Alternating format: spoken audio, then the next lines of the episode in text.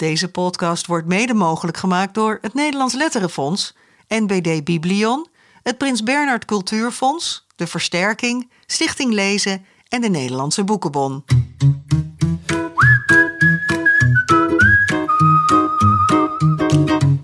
Hartje zomer, maar wij zijn er gewoon. Geen grote vriendelijke pauze dus deze zomer, maar gewoon een nieuwe aflevering die je lekker kan luisteren op de camping of eh, Strand. op je eigen balkon of in je Ja. tuin. Ja.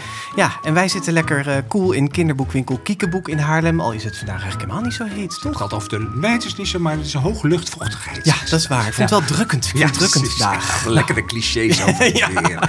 Ja. Mijn naam is Bas Maliepaard. Ik recenseer jeugdliteratuur voor Dagblad Trouw. En tegenover me zit Jaap Frieso.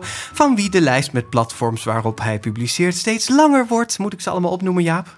Nou, dat zou ik niet doen, maar het is wel leuk om te zeggen dat ik eh, sinds kort een paar keer per maand ook voor AD Online een eh, kinderboekenrubriek heb en daar een aantal boeken in kwijt kan. En nou ja, dat komt dus bij dat ik voor de Leeuwen de Krant en de Dagblad van het Noorden recenseer. En bijna al die besprekingen komen uiteindelijk ook alweer op Jaap Ja, dan heb je ze toch allemaal gewoon genoemd. Doe je slim. Ja. Ja. de volgende keer zeg ik gewoon Jaap Frieso, de veelbespreker. Je hebt veel schrijvers, maar jij bent een Ja. veelbespreker. Ja, meer Toch? dan jij, hè, Bas.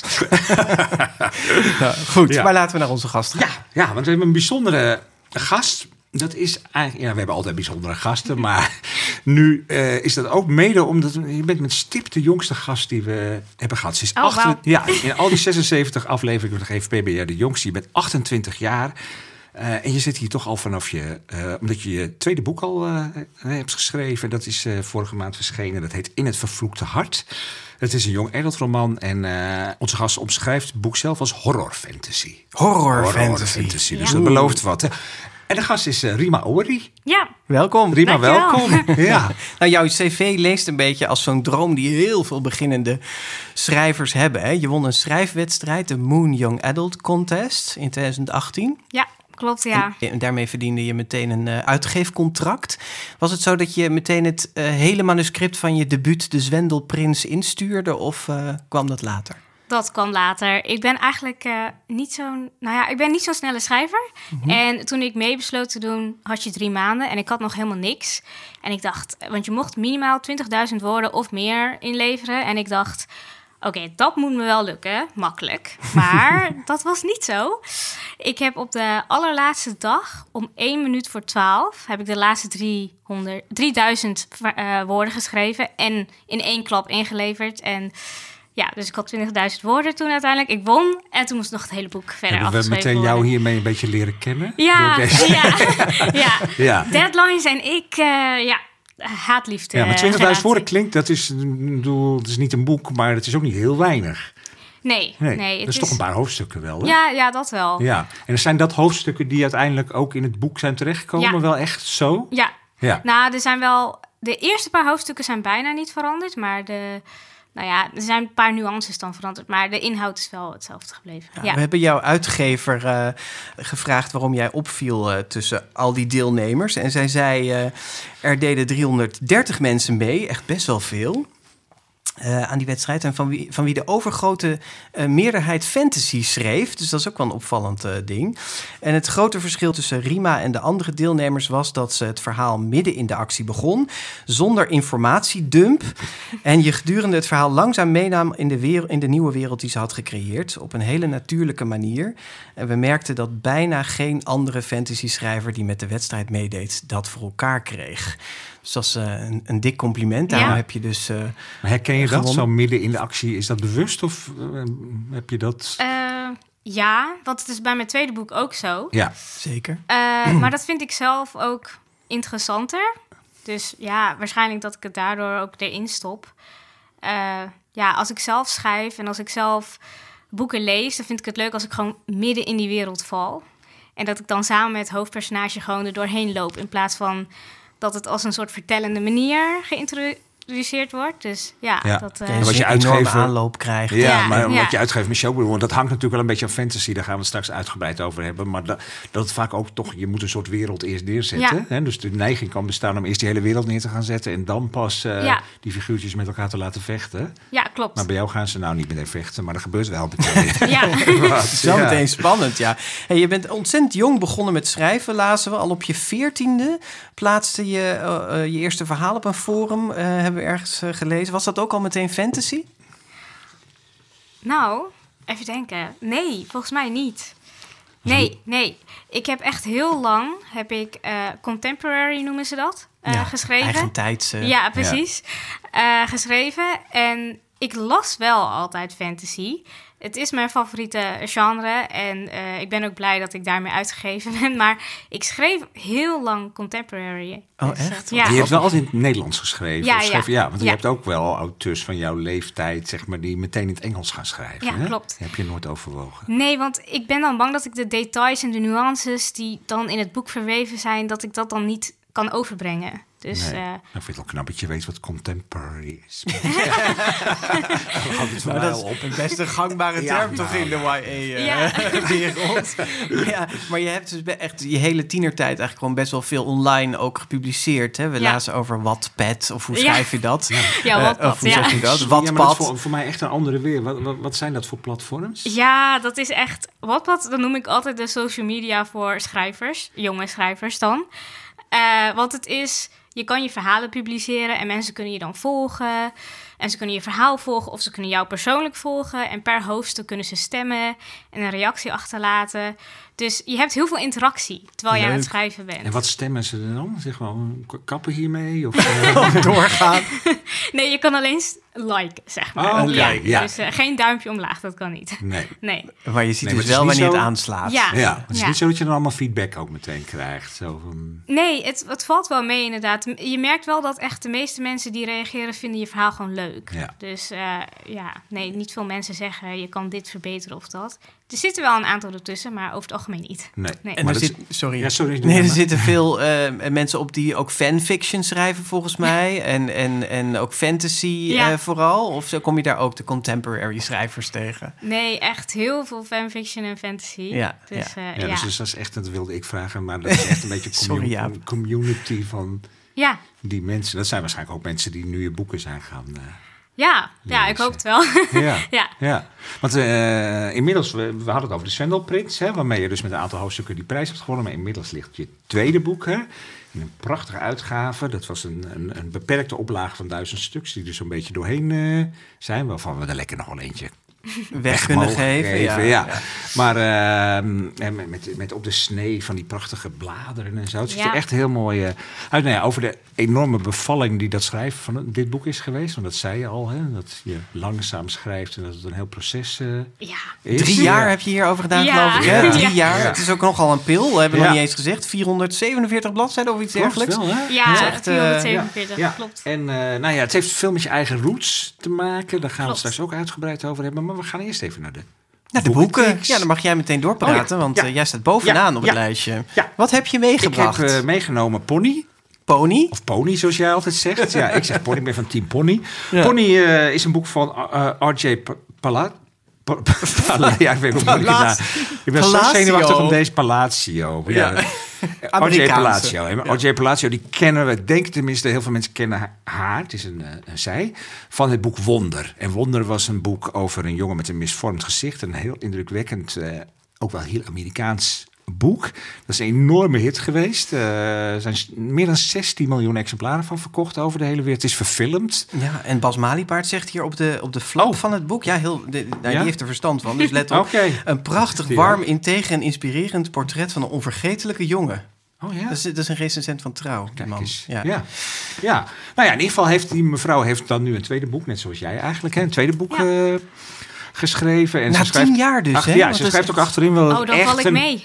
Ja, ja, maar dat het boek, als je 16 miljoen exemplaren hebt gekocht, dan kijkt de hele wereld natuurlijk naar je en denkt van wat gaat ze nu doen. Nou ja, en wat ze heeft gedaan is echt een totaal ander boek geschreven. Echt dat vind ik wel echt totaal anders. Het heeft echt helemaal niks in sfeer, in, in setting eh, te Thematiek maken. zelfs niet, Nee, er zitten een paar thema's. Er zijn altijd Ja. een paar universele, universele themaatjes over jezelf zijn en de liefde voor je ouders of dat soort dingen die er ook wel in zitten. Maar voor de rest echt een totaal ander boek. En wat het dan is, het speelt in eh, halverwege de 19e eeuw, zo rond 1860 eh, ongeveer. Het gaat over een, een jongen, Silas. En uh, nou ja, het begint ermee dat hij midden in de nacht, hij woont met zijn vader, dat er een, een, een bende, dat er een aantal mannen op uh, de stoep staan of voor het, voor het huis. En die bevelen hun uh, mee te komen. Dat is eigenlijk een, bende. En de vader zegt van ik ga wel mee, maar ik wil niet dat mijn zoon meegaat. Die mannen hebben alle drie een paard en die, voor die vader een extra paard. En ze hebben ook nog een pony bij zich, een witkoppony. Ja. Ik wist niet dat ze bestonden. Maar... Een Arabier in paardentermen, geloof ik. mooi op, de, op de voorgrond. En de jongen besluit eigenlijk al snel uh, volgende dag van... ja, maar ik ga achter mijn vader uh, aan. En uh, nou ja, dat, is het begin van een avontuur. Ja, want waarom besluit hij dat? Omdat die pony opeens de volgende dag bij hem op de stoep staat. Weer, ja, zonder dus die mannen en die rest ja, van de bende. Hey, dat is een teken. Dat is ja. een teken. Ja. En uh, nee, de jongen gaat achteraan. De jongen, hey, we gaan niet alles vertellen, maar de jongen heeft een, een vriend. Waarvan hij zegt, ja, het is geen denkbeeldige vriend zoals mijn vader denkt. Want hij bestaat echt, maar hij bestaat ja. eigenlijk niet echt. Maar hij bestaat wel echt, weet je, zo'n zo soort vriend. Hij kan hem zien, maar de rest van de nou mensen niet. Zo'n, wat we in heel veel jeugdboeken voorkomen. En de ene keer denk je, het zal wel, de andere keer geloof je het. En in dit geval geloofde ik het. Hij heet, uh, ook omdat het later in het boek echt nog wel meer uitleg krijgt. En duidelijk wordt, uh, nou ja, die, die, die vriend die behoedt hem, die spoort hem aan, die houdt hem soms tegen. En uh, eigenlijk gaat hij dus samen met die vriend ook, dat is wel grappig, weet je, gaat hij samen met die vriend ook die, die tocht aan. En nou ja, dat gaat dus door, door bossen. Uh, Langs ja, ravijnen. Ja, weet je, het is heel echt, spannend allemaal. Het blijkt uiteindelijk dat het om een bende valse munters gaat. En het blijkt ook dat de vader, die uh, is een soort uitvinder... en die heeft uh, een soort fotografische techniek ontwikkeld... wat weer mee te maken heeft toen de jongen een keer geraakt werd door de bliksem. Door die flits werd hij geïnspireerd om iets met fotografie... wat toen natuurlijk nog helemaal niet zo ontwikkeld was. Nou, hij heeft hij een bepaalde manier ontdekt om dingen op papier te krijgen. En dat vinden die valse munters heel erg interessant. Omdat ze denken, hé, hey, dat kunnen wij mooi gebruiken om dat geld te vervalsen. ja. ja. nou ja, nou, en, en uiteindelijk komt hij ze dus ook nog weer via iemand anders op het spoor en ontstaat er een gigantisch spannende plot. Ja. En ja, ik, ik was er wel heel erg door, uh, door gegrepen, omdat het wel echt een heel fijn leesboek is. Maar het, er zit een beetje een gekke twist steeds in over, nou ja, dat hij dus die die denkbeeldige vriend heeft, maar ook wel dat hij op een bepaalde manier eigenlijk met de doden kan communiceren. Ja, en met een ja. soort geesten. En nou ja, dat zijn van die elementen die, die, moet, die moet je, dat spreekt jou als fantasy schrijver denk ik ook aan, hè, maar die moet je een beetje pakken of niet. En ik ben daar niet altijd zo goed in, maar in dit geval kon ik daar heel goed in. Uh, in meegaan. En nou ja, er staan veel van die, van die oude foto's ook in, hè, waardoor het boek een hele bepaalde sfeer krijgt. En ja, het is, het is wel weer zo'n boek wat eigenlijk weer verfilmd uh, kan worden. Wordt Zeker. Wordt een iets duurdere film, denk ik. Maar, westernachtige ja, sfeer is een beetje western. het ja, ja. Het is, daar hadden we het over. Hè? Ja. Ik zou het geen western noemen, Nee, maar het heeft nee. wel de sfeer van een ja, ja, western. met die paarden en dat, eh die ja, en ook in taal en zo zit dat er wel een beetje in. in Zo'n bende. En het zijn ook allemaal toch wel je grappige personages. Gewoon van, van die bende. Zijn gewoon een beetje gekke types. Maar vooral Silas zelf is uiteindelijk... Ja, net zoals die jongen in Wonder eigenlijk. Is wel Ja. weer zo'n karakter wat je helemaal gelooft en waar Ja. je mee gaat. Ja. ja. Absoluut. En ik vond het vooral heel ontroerend hoe hij over zijn vader vertelt. Ja. Wat een fantastische vader die man is Ja. geweest voor hem. In de tijd dat hij natuurlijk nog bij hem was. Ja, want zijn moeder is overleden op het moment dat hij geboren is. Ja. Hè? Dus dat speelt op de achtergrond. Ja. Houdt nog wel heel erg. Daardoor heeft hij een hele sterke band met zijn vader. En hij gaat angst zijn vader redden. Hè? Dat is natuurlijk... Dat, daar eh, komt het op neer. Daar ja. komt het op maar neer. goed, Ja. meer gaan we niet zeggen. Pony of pony, wat je ook maar wil. RJ Palazzo of Palacio of eh, wat je ook maar wil. Het is, het is prachtig vertaald. Dat mag ook wel gezegd worden door Annelies Jorna. Want er zit Absoluut. best wel veel van die beetje robuuste taal in. Beetje archaïs. Ja. soms. Ja. Het is uitgegeven bij Querido. En ik zou het ongeveer aan kinderen van boven de 11, 12... eh, Ja, ik zou inderdaad 12 plus Ja, zeggen. klinkt heel interessant. ja, hè? Ja. Nou, neem het mee. Dan Eh, hebben we een dichtbundel. Een dichtbundel, ja, van Erik van Os. Applaus voor mijn vinger heet het. Grappige titel alleen al. Erik van Os, die eh, kennen heel veel mensen, denk ik, eh, van de boeken die hij samen met zijn vrouw schrijft, Elle van Lieshout. Eh, veel versjesboeken, maar ook prentenboeken vooral. Ehm, en een een van de laatste prentenboeken van hun hand, hun gezamenlijke handen, was De Moestuin van Heer Hermelijn en Kereltje Konijn. Ja, met Ja. eh Marije Ton. Met Marije Ja, Tonnen, hartstikke mooi. Ja. En eh, drie jaar geleden eh, verscheen zijn debuut voor volwassenen met ook al een hele grappige titel. Had ik maar leuke kinderen. Ja. best Ja. grappig. Ja, dat zeg jij Had wel maar leuk. Nee, nee, dat zeg ik nooit. Ja. Had ik maar leuk vinden. Maar goed, dat tekent ook al wel meteen een beetje zijn eh, Lichtheid. lichtheid, eh, lichtvoetigheid. Er zit veel humor in zijn eh, poëzie. En dit zijn meer dan 50 gedichten voor pubers. Ik zou zo zeggen, nou ja, einde groep 8, begin brugklas, dan ga je dit wel echt leuk dat is vinden. best bijzonder, hè? Dichtbundel voor pubers. Nou ja, überhaupt natuurlijk het uitbrengen van dichtbundels Ja, is al bijzonder in deze tijd. Het Ja. is heel dik. Ja. Fantastisch geïllustreerd, zeggen we er maar meteen bij, eh, door Jan Jutte. Komen we zo nog wel even op terug, denk ik. Eh, en dit is een. eh, wat ik er zo goed aan vond, was dat het echt een mix is van een soort van lollige. Lollige versjes, een beetje geinpoëzie, om het Ja. zo maar te zeggen. En aan de Ja, andere jij kant... noemde het in je recensie over gr- grinnik. Oh ja, grinnikversjes. Vond ik wel een mooi woord, Ja, ja. ja. Nee, echt dat je zo haha. maar wel grappig. Eh, en, Dit, ja, dat. Ja. En, en aan de andere kant dan opeens van die gedichten ertussen... die opeens een hele mooie zin hebben. Ja. eh, of, een, of een diepere gedachte. Of die heel gevoelig zijn. Eh, als jij er een kan voorlezen. Nou, ja. ja, in het begin heb je al, de zocht nog even naar. Dat, dat vind ik dan weer zo'n heel mooi zinnetje. Dat, dat, mijn moeder is het stoerste beroep ter wereld. ja. Is Oh, het- die is mooi. Het is een Ja, mooi. Dat is al een hele mooie zin. Ja, ik, ik vond dit een heel mooi gedicht. Dat heet Voicemail. Dat gaat zo. Ik ben op dit moment niet in de gelegenheid gelukkig te zijn.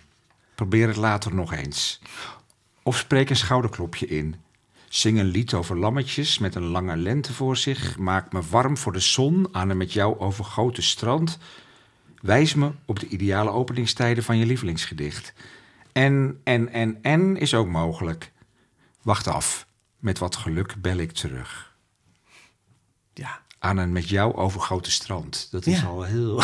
Aan met Ja. jou overgoten strand. Ja, maar die eerste zin, ik ben op dit moment niet in de gelegenheid gelukkig te zijn. Dat is, Ja, dat is een briljant, Ja, die is echt heel mooi. Ja. Ja, dat is echt heel goed. Nou ja, er staan dus ook heel veel grappige dingen in. Bijvoorbeeld een variatie op Toon Hermans. Even de klassiekers testen hier aan tafel. Je hebt iemand nodig, stil, Stil en en oprecht. oprecht, die als het erop aankomt voor je Bid bidt en en voor je vecht. Ja.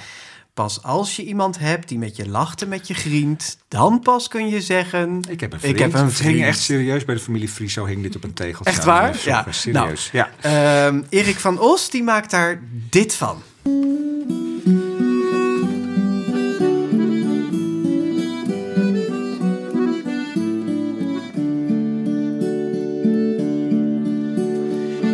Hebt iemand nodig, stil en oprecht, die als je wat nieuws draagt onmiddellijk zegt. Best een leuk ding, best een leuk ding, best een leuk ding. Maar jou staat het niet echt. Ja, Erik van Os met zijn variatie op Toon Hermans. En er zijn dus tien eh, gedichten uit deze bundel staan ook op muziek dus. En die zijn op Spotify, YouTube enzovoort te luisteren. Ja. Ehm, thema's in het boek: eh, school, ruzie in de ouders, de liefde, groepsdynamiek, gelukkig zijn of niet, eh, enzovoort, puberthema's. Ja. Eh, Jan Jutte moeten we het nog heel even Ja, over hebben. ja, nou, de zeker fantastische tekeningen. Ja, die heeft al drie keer Gouden Penseel gewonnen. Ja. En ja, ik weet het niet, maar als de jury goed oplet... Dit, dit kan bijna wel- niet onbekroond blijven. Nee. Het is een enorme variatie aan stijlen met ontzettend veel verwijzingen naar de grote kunsten, om het zo maar ja, te zeggen. Staat, er Escher staat Picasso staat erin. Of tenminste, dat denken wij dan. Hè? Dat staat Ja. er niet zo in, maar Eh, wij denken dat hij er zijn wel allemaal dingen... Waar, Ja. en vast nog wel veel meer wat wij dan weer niet... De eh, pop art. En, nou ja, er gaat staat ook echt een echte C. Postuma staat er tenminste wat wij wat heel erg lijkt op C. Postuma. En ja, het is heel gevarieerd, omdat zo'n dikke bundel is, is natuurlijk ook heel veel. Dat is echt lekker dat het Ja. zo gevarieerd Ja, maar dat eh, maakt deze is. bundel wel tot echt een bundel met al die prachtige Ja, illustraties. en dan wou ik tot slot één, nog één gedicht, mag Oh, tuurlijk. Ja, Ja, ja? want daar kunnen we dan meteen iets over de illustratie Eh, het heet Voor mijn voeten. Ik vond het een, op de een of andere wonderlijke manier een ontroerend gedicht. Dit blad viel van deze boom. Dat was nog nooit gebeurd. Ik zag het en wist, hier gebeurt iets bijzonders. Nu niet beginnen over miljarden andere gevallen blaadjes van bomen. Moet je dit blad zien liggen. Nou, dat gaat dan natuurlijk over de unieke schoonheidservaring op dat moment. En het unieke van dat ene blaadje wat van die boom valt. En wat Jan Jutte er dan naast tekent, is een blad op de grond. Maar over dat blad een silhouet van een mooi meisje. Ja. En dat geeft het, het gedicht dan net weer een hele andere Ja, dimensie. Ja, Goed. Ja, applaus voor mijn Eh, vinger. yes. Ook uitgegeven bij Querido, eh Erik van ons dus met illustraties van Jan Jutte. Eh, de getipte boeken kun je natuurlijk lenen bij de bibliotheek of kopen bij je lokale boekhandel. En laten we dan maar zeggen, voor onze sponsor, maar het is ook echt zo, dat kun je Ja. ook doen met de boekenbon. Of ver- verrast iemand anders met de boekenbon en zeggen bij van, hé, hey, je kunt een GVP-tip kopen eh, van deze boekenbon. En aan alle boekhandelaren en bibliothecarissen eh, onder onze luisteraars. Onze presentatiewedstrijd eh, loopt nog steeds. Yes. Hè? Er druppelen inzendingen binnen, maar er kunnen er nog steeds wel meer, meer bij. Dus dat is gekoppeld aan onze mooie zomerposters. En we vragen jullie eigenlijk om een mooie GVP-tafelvitrine of int- etalage in te richten. En daar onze tips bij eh, te zetten. En als je voor ons 5 september ons dan mailt met een mooie foto, maak je kans op een verrassingspakket. Ja, en die posters die zijn dan te downloaden uit onze media kit. Hè? Ja, en alles, alles over de tips vind je terug in onze show notes en op de grote vriendelijke podcast.nl. Dan hebben we die hele administratie ook weer gedaan. Ja, Dan heeft gaan we iedereen het de- genoteerd, meegeschreven. Ja. En dan gaan we nu naar onze gast, Rima. Ja. Nieuwe Ori. Ik ga je zoals bij elke gast wat eh, verder introduceren. Je studeerde rechten en werkte eh, bij een rechtbank, het ministerie van Justitie. En nu als jurist bij de gemeente Stichtse Vecht. Vond ik een grappige achtergrond. Hè? Dat verwacht je dan misschien niet bij zo'n soort boek. Maar eh, je, je zit hier als schrijfster. Ehm, eh, zoals gezegd speelde je jezelf in de kijker door het winnen van een schrijfwedstrijd van de uitgeverij Moon. En dat leverde je een contract op voor de uitgave van je debuut De Zwendelprins. En dat boek dat viel meteen op. Het werd onder andere genomineerd voor de Hebban Debuutprijs, De Kleine Cervantes van de stad Gent. En eh, het stond op de shortlist van het beste boek voor jongeren. En op de web- website van de uitgeverij staat over jou... Rima Ori is een auteur die ervan houdt haar lezers mee te nemen op avonturen naar magische werelden. Maar vergis je niet, Rima vermengt fantasie altijd met de realiteit. Thema's als racisme, klassenverschillen, onderdrukking en kolonialisme hebben altijd een plek in haar verhalen. En dat geldt eh, zeker ook voor je nieuwe tweede boek, In het Vervloekte Hart, dat onla- onlangs verscheen. Eh, wil je om te beginnen de eerste zin daaruit voorlezen? Ja, natuurlijk. Zij die arriveren tijdens de bloedmaan zijn vervloekt tot in de eeuwigheid. Tja, Ja. De bloedmaan, en vervloekt tot in de eeuwigheid. Je dacht, het moet maar meteen met de eerste zin duidelijk zijn wat voor een eh, boek dit is en in welk genre dit eh, afspeelt. Het is ook een beetje zo'n gedragen toon hè, van zij, die, eh, je hebt meteen het gevoel van hier gaat een, eh, een soort oergeschiedenis achter schuil. Ja, Eh, noem je jezelf auteur van fantasyboeken? Is dat wat je, wat je schrijft? ja, ja, tot nu toe wel. Dat kan nog veranderen. Maar ja, tot Ja, nu je zei net al hè, Ja. dat je begonnen ooit bent met contemporary eigentijdse Ja, verhalen. klopt. Ja, En wat is dan fantasy, als je dat zou moeten omschrijven? Wat is daar nou de kenmerken van? ja, dat is het lastige. Ik schrijf... want Je hebt heel veel sub- subgenres dan weer in fantasy. Ja. Maar ik zou zeggen dat je iets verzint wat niet bestaat. En dat hoeft, in mijn geval eh, is het ook zo dat ik het dus een verzonnen wereld heb. Maar dat hoeft niet. Het kan ook in deze wereld afspelen. Maar gewoon dat je aspecten hebt in het verhaal dat niet bestaat. Ja. Dat zou ik Dan doen. is het fantasy. Ja. Dus als er fantasie aan te pas komt. Ja. ja. En dat toch een vrij grote rol speelt. Ja, Maar dat is wel een hele brede definitie, want er vallen er heel veel boeken hè, waar maar iets van een denkbeeldig vriendje bijvoorbeeld in zit, hè, maar verder in een realistische wereld speelt, valt dan ook onder fantasy. ja, Maar jij zit wel echt met dit boek althans meer in de hoek van echt een, een hele fantasy, eigen fantasy. wereld. ja, dat noemen ze high fantasy. Dat noem- high fantasy. Ja. Oh ja, ja, leer het ons vooral Ja. hoor. want Ja. zitten niet heel high in. fantasy. Ja, als het in een andere wereld afspeelt, dan is het een high fantasy. Want jouw personages zijn op zich lijken, zijn voor een groot deel wel mensen. Ja, Het zijn mensen van Ja. vlees en bloed. Ja. Ze zijn ook niet heel erg Star Trekkerig of zo. Hè? Ze zijn, ze, nee, bedoel, ze zijn, het zijn, doe je zou ze tegen kunnen komen op straat. Dan Ja. hebben ze wel een paar gekke dingetjes misschien, maar je, je kiest wel voor gewoon, maar dat hoeft ook niet altijd, Nee, toch? dat hoeft niet. Nee, klopt. Nee. Dus, maar dat vind ik wel leuk, want ik vind het... Ja, de mens is ook zo complex en al interessant genoeg. Dat hoef ik niet nog extra te gaan verzinnen. Waarom, waarom ligt dit genre jou zo goed? Waarom vind je dit zo leuk om hierin te duiken? Ik vind het leuk om eh, de realiteit even te vergeten als ik een boek lees. En dat kan het beste met fantasy, omdat ik dan niet alleen in een ander verhaal van iemand anders zit, maar ook in een andere, als het dus high fantasy is, en dat is mijn favoriet, wereld zit.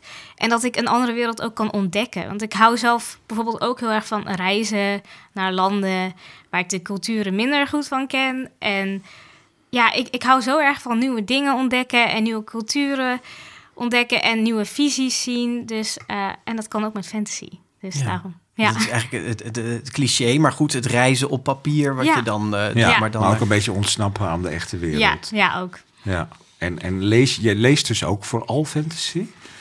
Ja, ik wissel het wel af hoor met andere genres. Ik lees niet uitsluitend fantasy, maar ja, ik denk dat dat wel het genre is wat ik het meest lees. Ja. Ja. En er verschijnt echt ontzettend veel fantasyboeken. Ja. Hè? Dat is, eh, en, en ook veel slechte fantasy? Of bestaat dat niet? Uiteraard, er zijn Ja. altijd wel slechte boeken, maar dat is ook weer subjectief. Ja, dus, eh, ja. Nee, tuurlijk. Maar Ja. we hadden het voordat we de opname begonnen al even over... dat, het, eh, dat er niet heel veel Nederlandse schrijvers zijn... die in de YA-fantasy hoeken... dus voor, de, voor wat jongere mensen ook eh, schrijven... of met jonge hoofdpersonen. Ehm, dat, dat kennen we toch vooral heel veel uit het Engelstalige gebied... Hè, wordt het vertaald naar hier. Hoe komt dat, denk je? Ja, ik heb zelf het idee dat in Nederland heb je natuurlijk ook de uitspraak van eh, doe maar normaal, dan ben je al gek genoeg. En de nuchterheid. En fantasy is toch iets, dan moet je dat een beetje loslaten van die nuchterheid en, eh, en dat normaal doen. Dat kan, in fantasy is er niks echt normaal. Alle, het kan niet gek genoeg, zeg maar. En dat zit toch minder in de Nederlandse cultuur, heb ik het idee.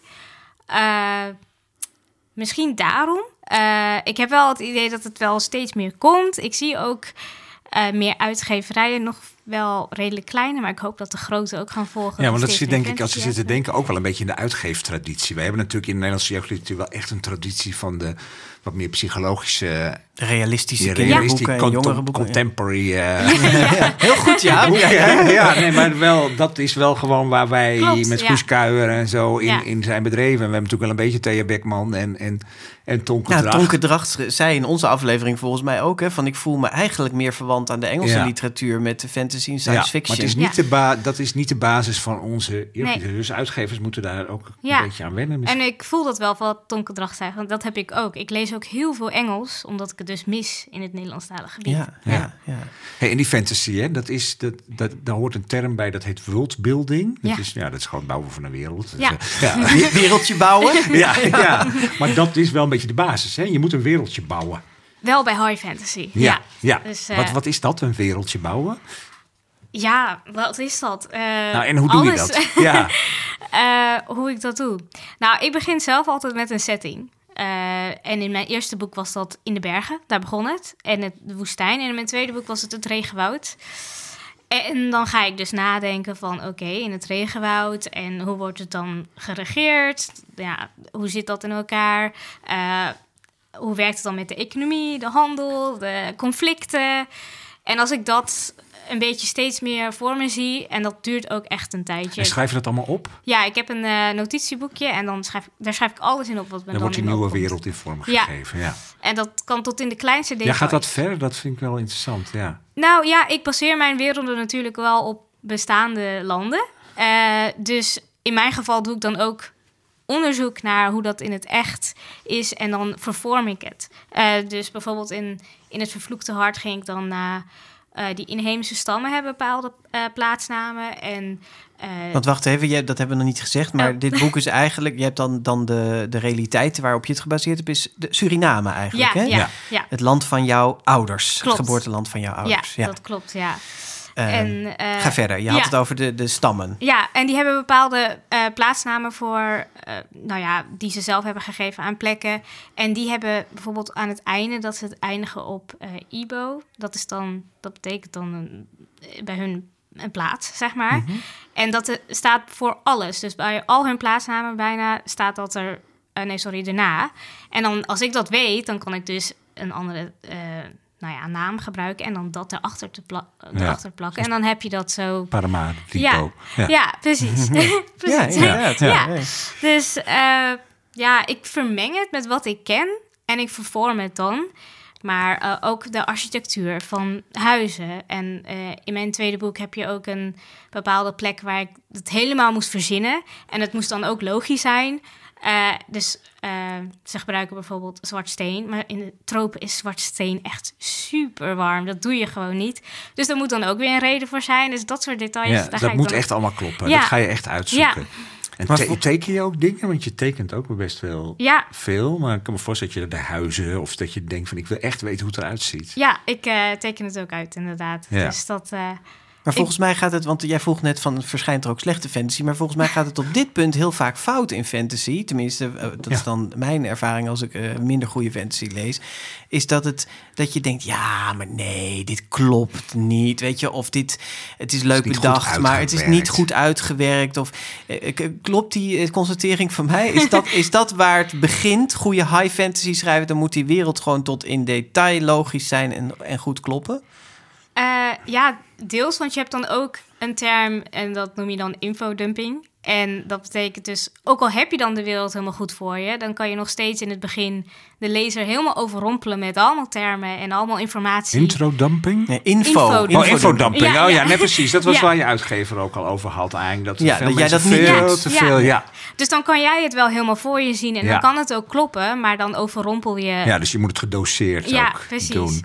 Dus ja, het is wel een, iets lastig, worldbuilding, en dat het ook nog eens op een manier overbrengen dat, het, dat een lezer het fijn vindt.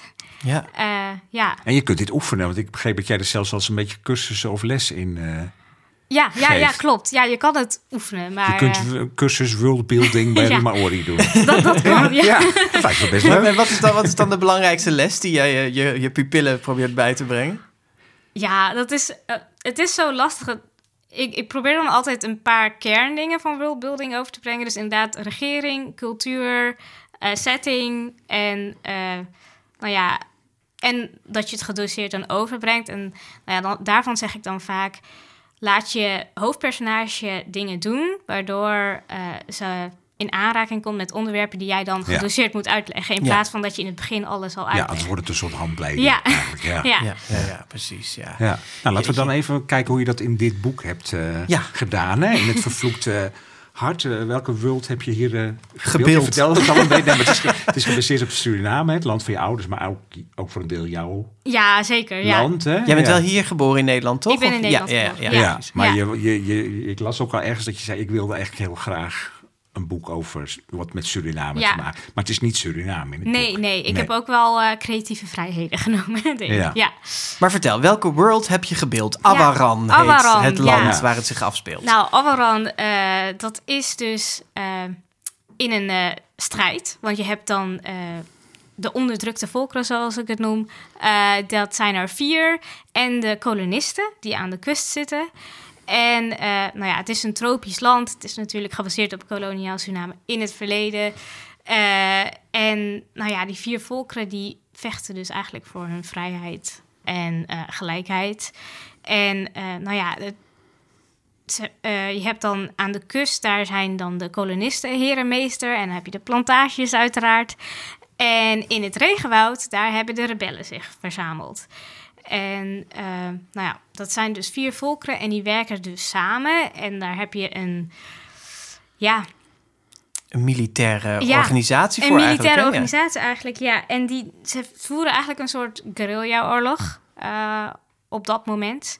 Ja. Maar eh, ja, ze proberen dus stand te houden en nou ja, hun, hun vrijheid terug te winnen. Ja, en zijn die vier volkeren gebaseerd op bestaande volkeren? Ja, dat zijn de vier grootste volkeren in Suriname, want er zijn er nog meer. Maar Ja. dan werd het iets te veel in het boek. Ja. Eh, en dat zijn dan de Afro-Surinamers, de Hindoestanen, de Javanen en de inheemse stammen. En dat zijn er ook verschillende, maar ik heb het dan één stam van gemaakt. Ja. Ja, Ja. en de kolonisten, dat zijn wij, de witte mensen. Ja, ja, dat zijn De, Hollanders. ja. Ja, Ja. ja. En, de, en de hoofdpersoon is Priya. Hè? En eh, bij welke bevolkingsgroep hoort zij?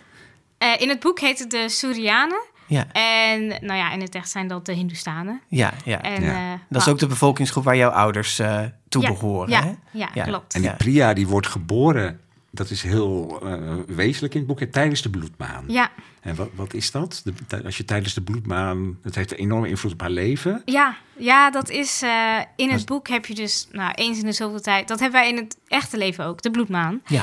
Eh, alleen in dit boek eh, en in dit land specifiek eh, zorgt het ervoor dat er monsters uit de schaduw tevoorschijn komen. Die normaal een beetje verborgen of op de achtergrond in elk geval blijven van het land.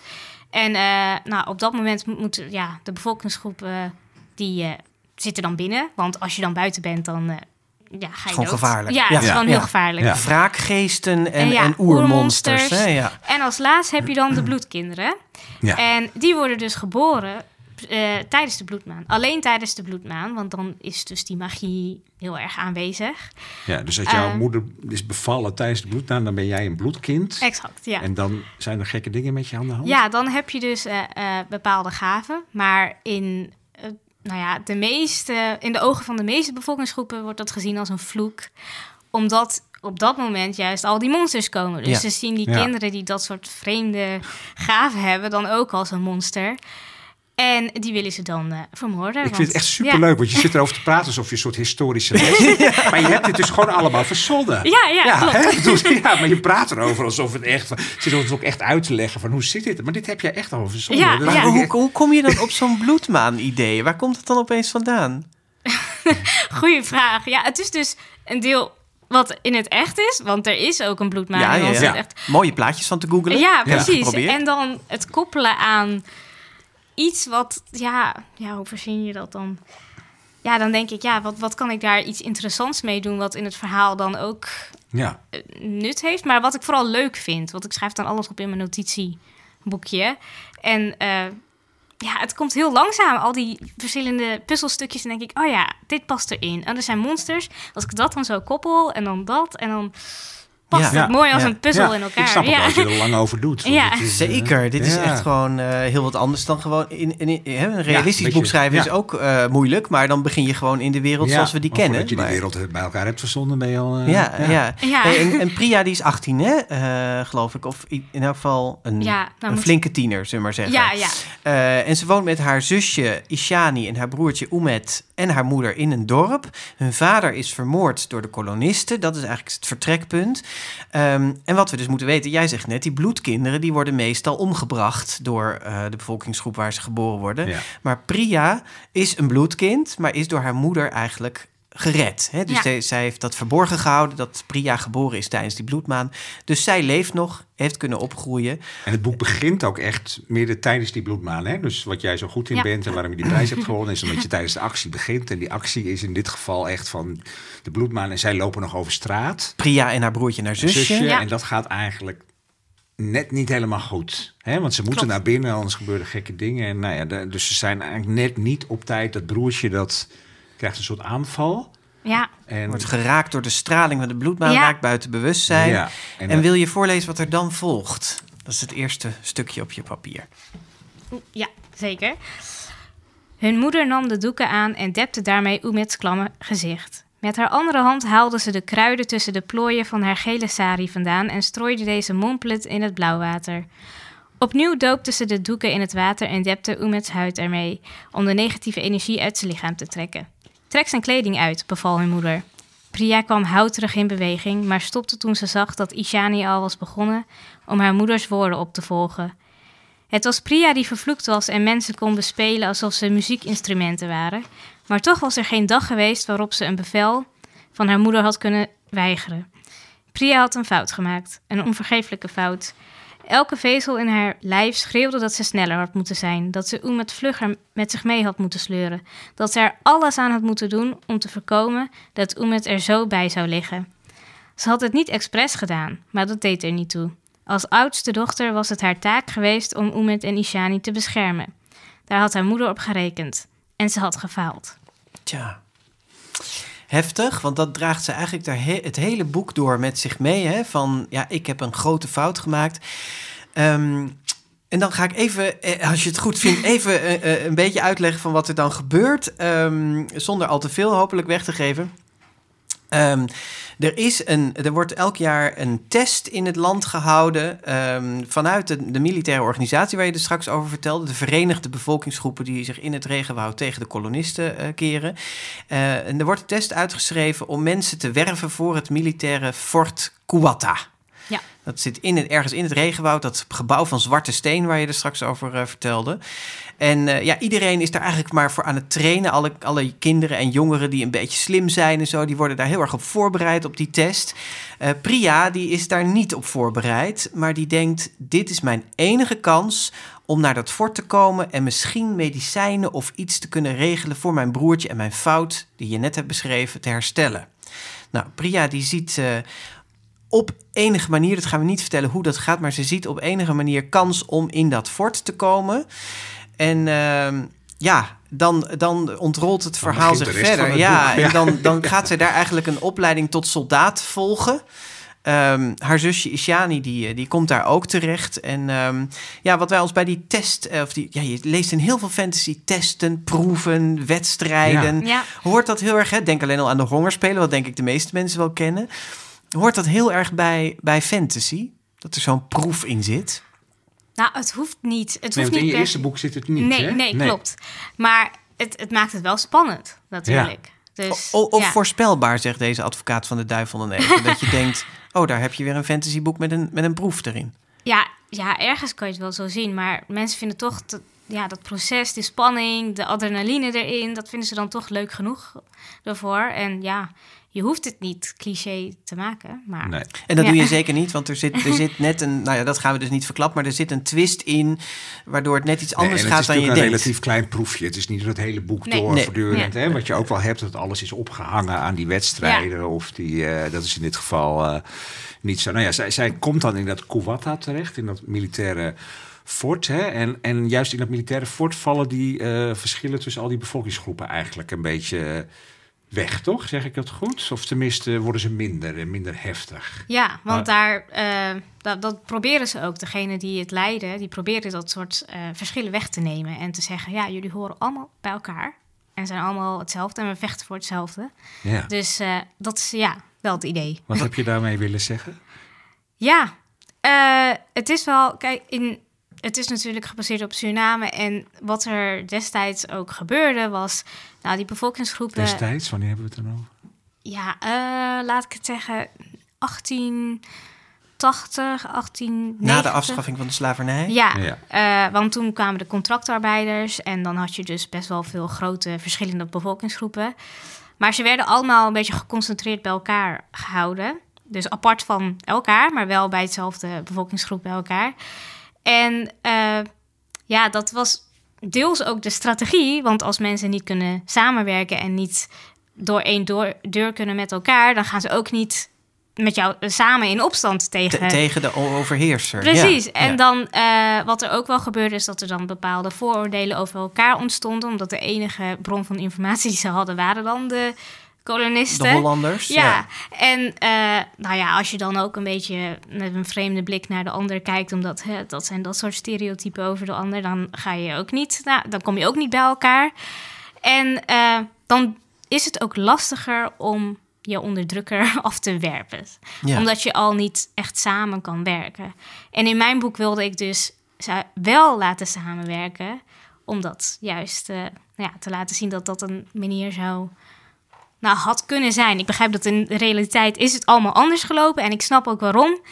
Maar ja, als dat wel zo was geweest, dan hadden ze veel verder, waren ze veel verder gekomen, Ja, denk ik. Maar je laat Ja. ook in je boek wel die, eh, dat voorstadium, hè, de, voor die samenwerking, laat je wel bestaan. Hè? Je, je beschrijft ook van de Surianen. In, in, in, het echte, in de echte wereld zijn dat dan de Hindoestanen. Die Ja. zijn eigenlijk na de afschaffing van de slavernij o- eh, onder min of meer valse voorwenselen naar Suriname gelokt al- als contractarbeiders om daar het werk van de slaafgemaakten eh, te gaan doen. Ja, Ehm, en je zegt daarin ook van dat de oorspronkelijke bewoners, die zien hun als een soort van indringers. Van ja, dit is helemaal niet jullie land. Wat doen jullie hier? Ja. Weet je wel? En dat zit ook in het boek.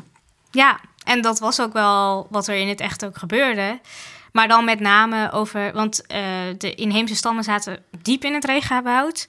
En daar kwamen de Afro-Surinaamse gevluchten tot slaafgemaakten. Ja, die dan, Marons. Ja, die, Ja. die gingen daar ook heen. Maar de eh Hindustanen en de Javanen niet, die zijn nooit het regenwoud ingegaan. Maar eh, tussen de inheemse stammen en de Afro-Surinamers die daar zaten, waren er dus ook wel conflicten. Omdat van, ja, jullie horen dan hier niet. En ja, dat... eh, Ja, en jij, om even voor de duidelijkheid, jij, jij, jouw familie komt uit de Hindoestaanse Ja, eh, ja. achtergrond. Hè? Dat kan ik zo, eh, zo zeggen. Ja.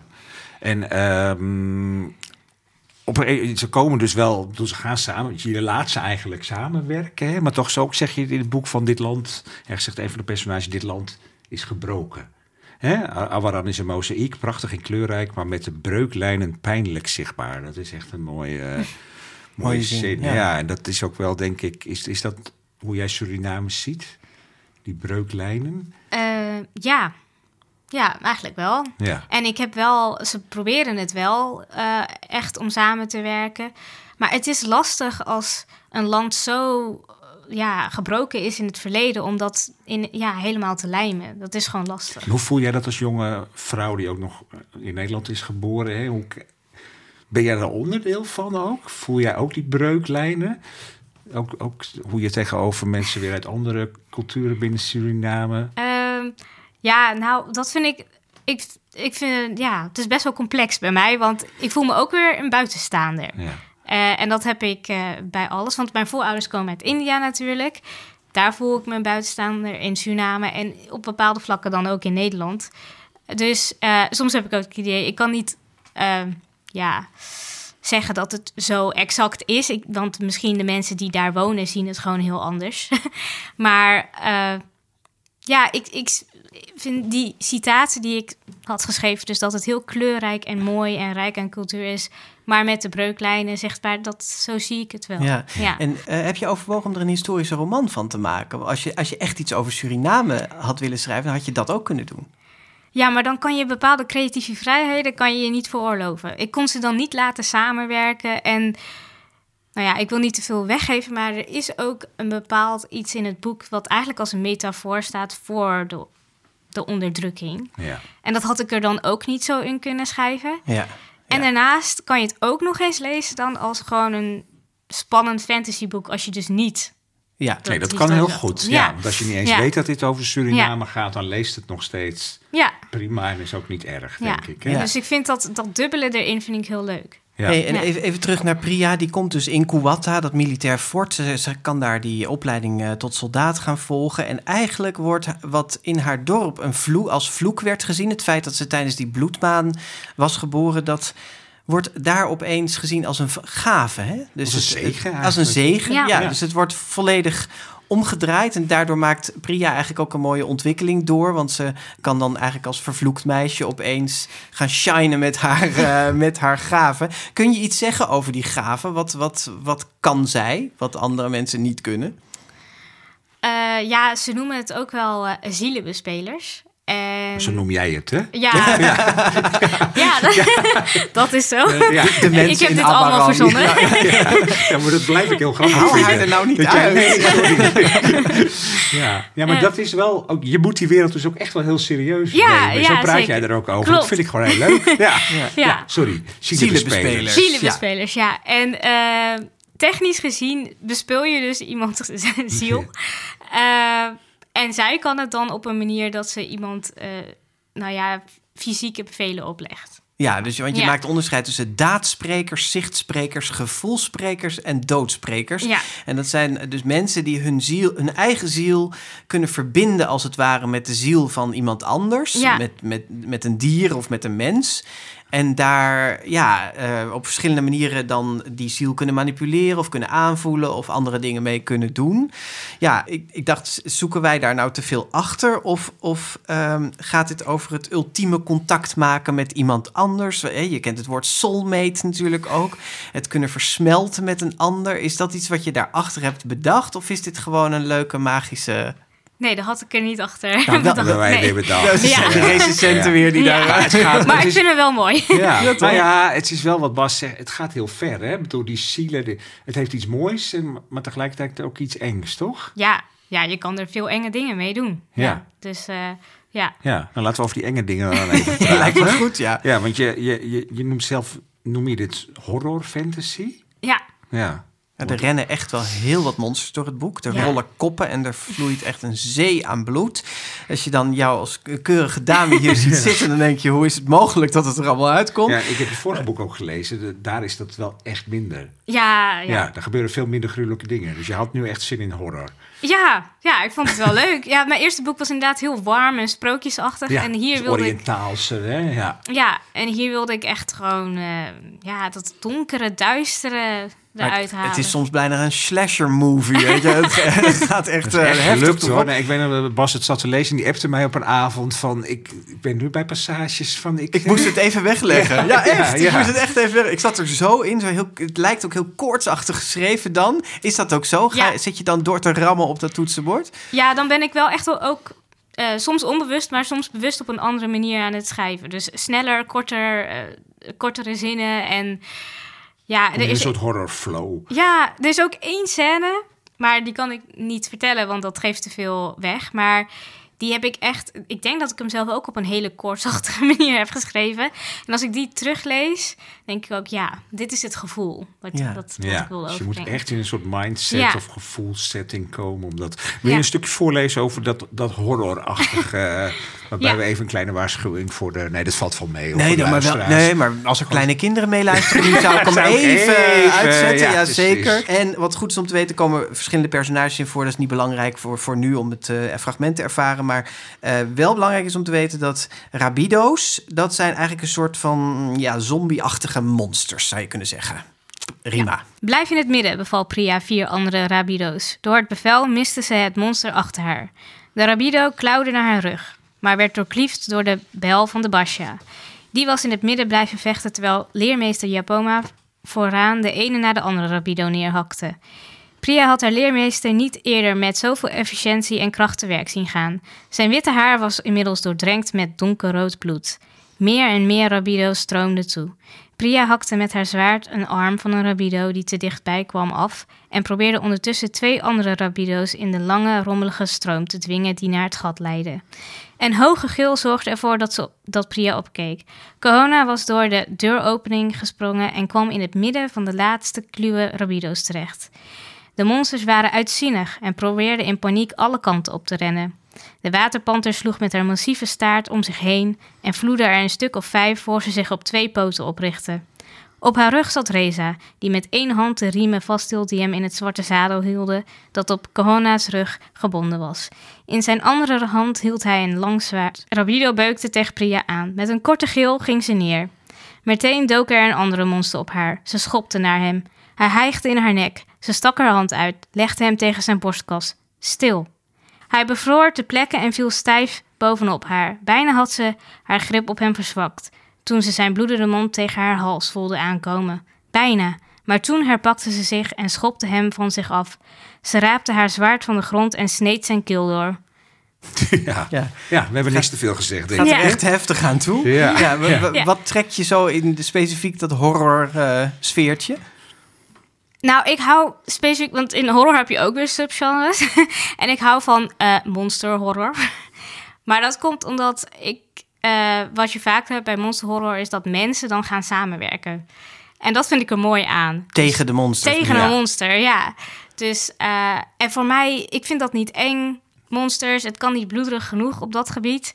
Ik heb andere gebieden, zoals met geesten, dat vind ik minder fijn. ja, ja, grappig, Dus, ja. eh, ja. Ja, maar dus- monsters, dat, eh, ja, dat vind op. ik helemaal niet erg. Ja. Nee. Ja. En hoe erg een bloederig en nou, dat, dat maakt me om, daar word ik gewoon niet bang van. Nee. Dus eh, ja. Ja, nou, het is inderdaad, eh, het, het maakt het ook voor ons in elk geval binnen de podcastgeschiedenis een heel, ja, dit, heel eh, apart boek, hè, wat, we, eh, wat ja. we nog niet eerder gelezen hebben. Nee. Ehm, eh, nog even over het schrijven. Hè? Ehm, je hebt eh, ook eh, woorden in het Sranantongo gebruikt. Staat achter in een woordenlijstje, maar ook weer woorden zelf verzonnen. Hoe, hoe ben je daarmee omgegaan? Is dat... ja, ik heb met name woorden verzonnen als het dan eh, met het magische aspect te maken had. En, ja, en plaatsnamen heb ik verzonnen en de, en de namen van de bevolkingsgroepen. Maar ik heb dan wel altijd gekeken naar wat past dan bij die bevolkingsgroep. Wat past in dat land dat dus kenmerken heeft van koloniaal Suriname. En eh, zo heb ik het dan verzonnen. Ik, ik denk dat het wel interessant is als ik een keer een fantasy wereld verzin... Wat, wat helemaal losgekoppeld is van een land.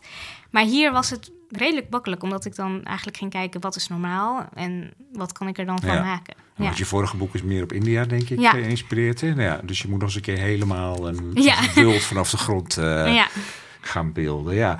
Eh, Nu zei je van, ja, je wilde dat boek over Suriname schrijf wat met Suriname te maken. Dat lijkt me, het is heel in die zin persoonlijk. Hè? Ja. Is, is, is- hoe, hoe is dat nu, nu het, nu het af is? Heb je daar reacties al op ge- Ja, gekregen? Ja, ik heb er zeker reacties op. En sommige mensen lezen het inderdaad gewoon als fantasyboek. En dan, tenzij ze mijn nawoord lezen, dan denken ze er niet zoveel over na. Maar ook wel echt mensen die dan eh, zeggen: Ja, ik vond het heel aangrijpend, omdat het dus daarop gebaseerd is. En dat ik er dingen in terugzag die in Suriname ook, nou ja, zijn gebeurd. Eh, ook al zijn er dan dingen nou, vervormd en anders. En dat vind ik heel mooi, want dat is ook eigenlijk mijn bedoeling geweest. Dat het een fantasy is met een dubbele bodem erin. En dat je dan daarover gaat nadenken. En ook over dus die vrijheden die ik me heb eh, toegeëigend. Dus dat ze samenwerken. En wat geeft... eh, ja, dan kan je over nadenken waarom in het echt niet. En Ja, maar dat is stiekem een beetje wel de boodschap eigenlijk die Ja. je erin eh, verpakt hebt. Of niet eens zo stiekem. nee, nee, ik heb een nawoord geschreven. Ja, dus, ga, ga, ja. ga samenwerken. Ja.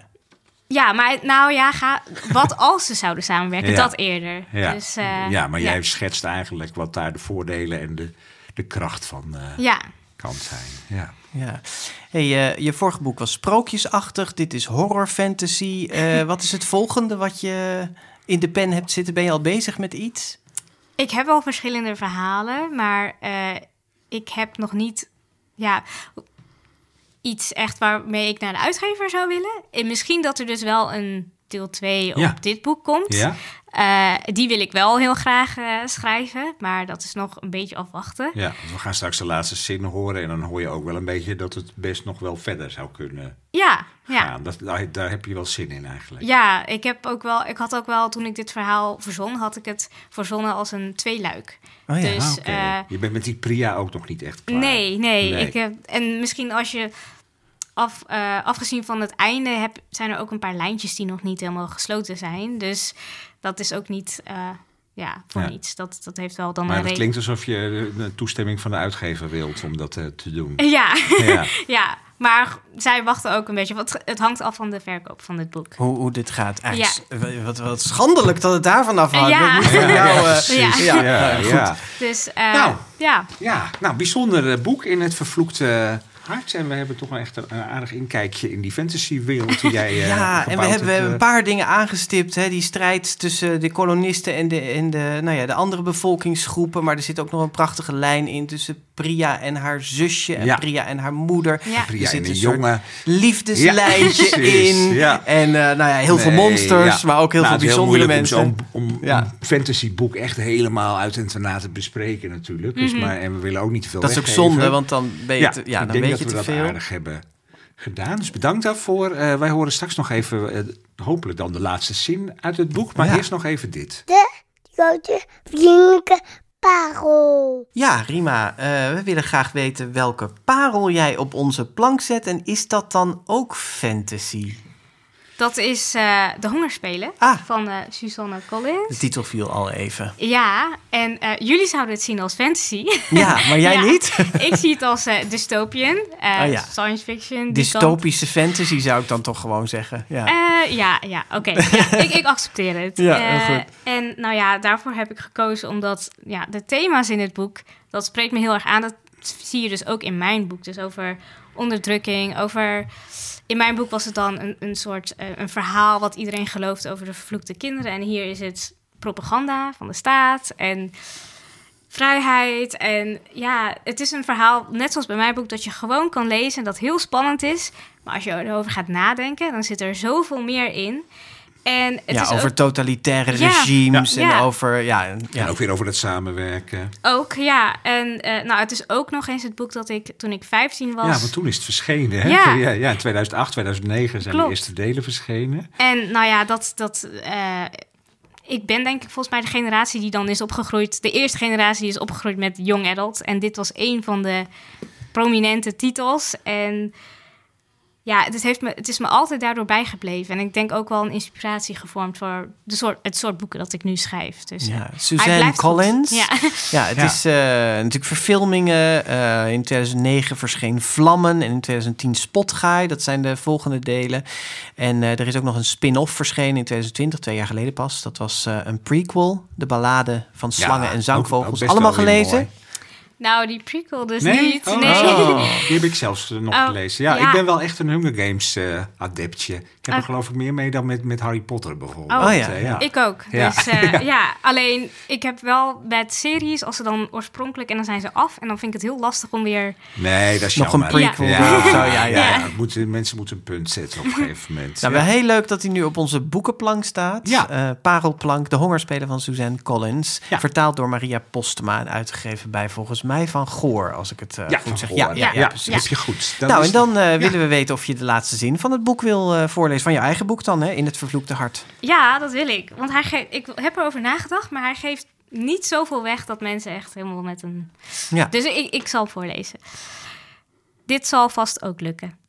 Ja, en wat er precies gaat lukken, dat Ja. verklappen Nee, we het niet. lijkt me niet dat dat nou heel veel weggeeft. Nee, Nee. nee. nee, maar het is in elk geval een hoopvolle en bemoedigende zin. En eh, nou ja, zoals Jaap al zei, het klinkt een beetje alsof er misschien wel een tweede deel komt. Maar dat heb je net ook al gezegd. Ja. Luna, als je luistert, laat, laat eh, Rima gewoon dat boek Ja. schrijven. Ja. Eh, dit was eh, de laatste zin van In het vervloekte hart, dat net als zijn of haar voorganger verschenen is bij uitgeverij Moon. Dus Wendelprins was dat dan, die voorganger. En in de meeste boekhandels en bibliotheken eh, staat het in de kast met young adult boeken, eh, denken wij zo. Ja. Ehm, en die limited edition, ja, die is dus bij de uitgeverij uitverkocht, maar in sommige boekhandels zal die misschien al Ja, staan. En enkele snel. snelle bibliotheken hebben hem misschien al eh, ingekocht. En er verschijnt ook een paperback hè, ergens een deze dagen. Dus Ja. dan eh, kunnen mensen die gaan kopen of gaan eh, lenen. Nou, Rima, we vonden het heel fijn dat je bij ons wilde zijn. En eh, natuurlijk alle succes gewenst met je volgende boeken. En laat de volgende Priya maar komen. Zo is dat, ja. Deze 76e aflevering van de GPP namen we op maandag 25 juli 2022 op. Zoals altijd, of bijna altijd, in kinderboekwinkel Kiekeboek in Haarlem. Ja. Met ook weer zo bijna altijd Mark Brouwer aan de knoppen. We gaan even verder lezen en nog een beetje genieten van eh, wat mooie weer. Je ga gaat kamperen. kamperen, Ja. ja. En over een kleine maand zijn we dan weer met een grote vriendelijke update. En dan hebben we nieuws, denk ik, over... De grote vriendelijke honderd misschien? Dat zou zomaar kunnen, hè? Oké. Tot dan. Tot dan.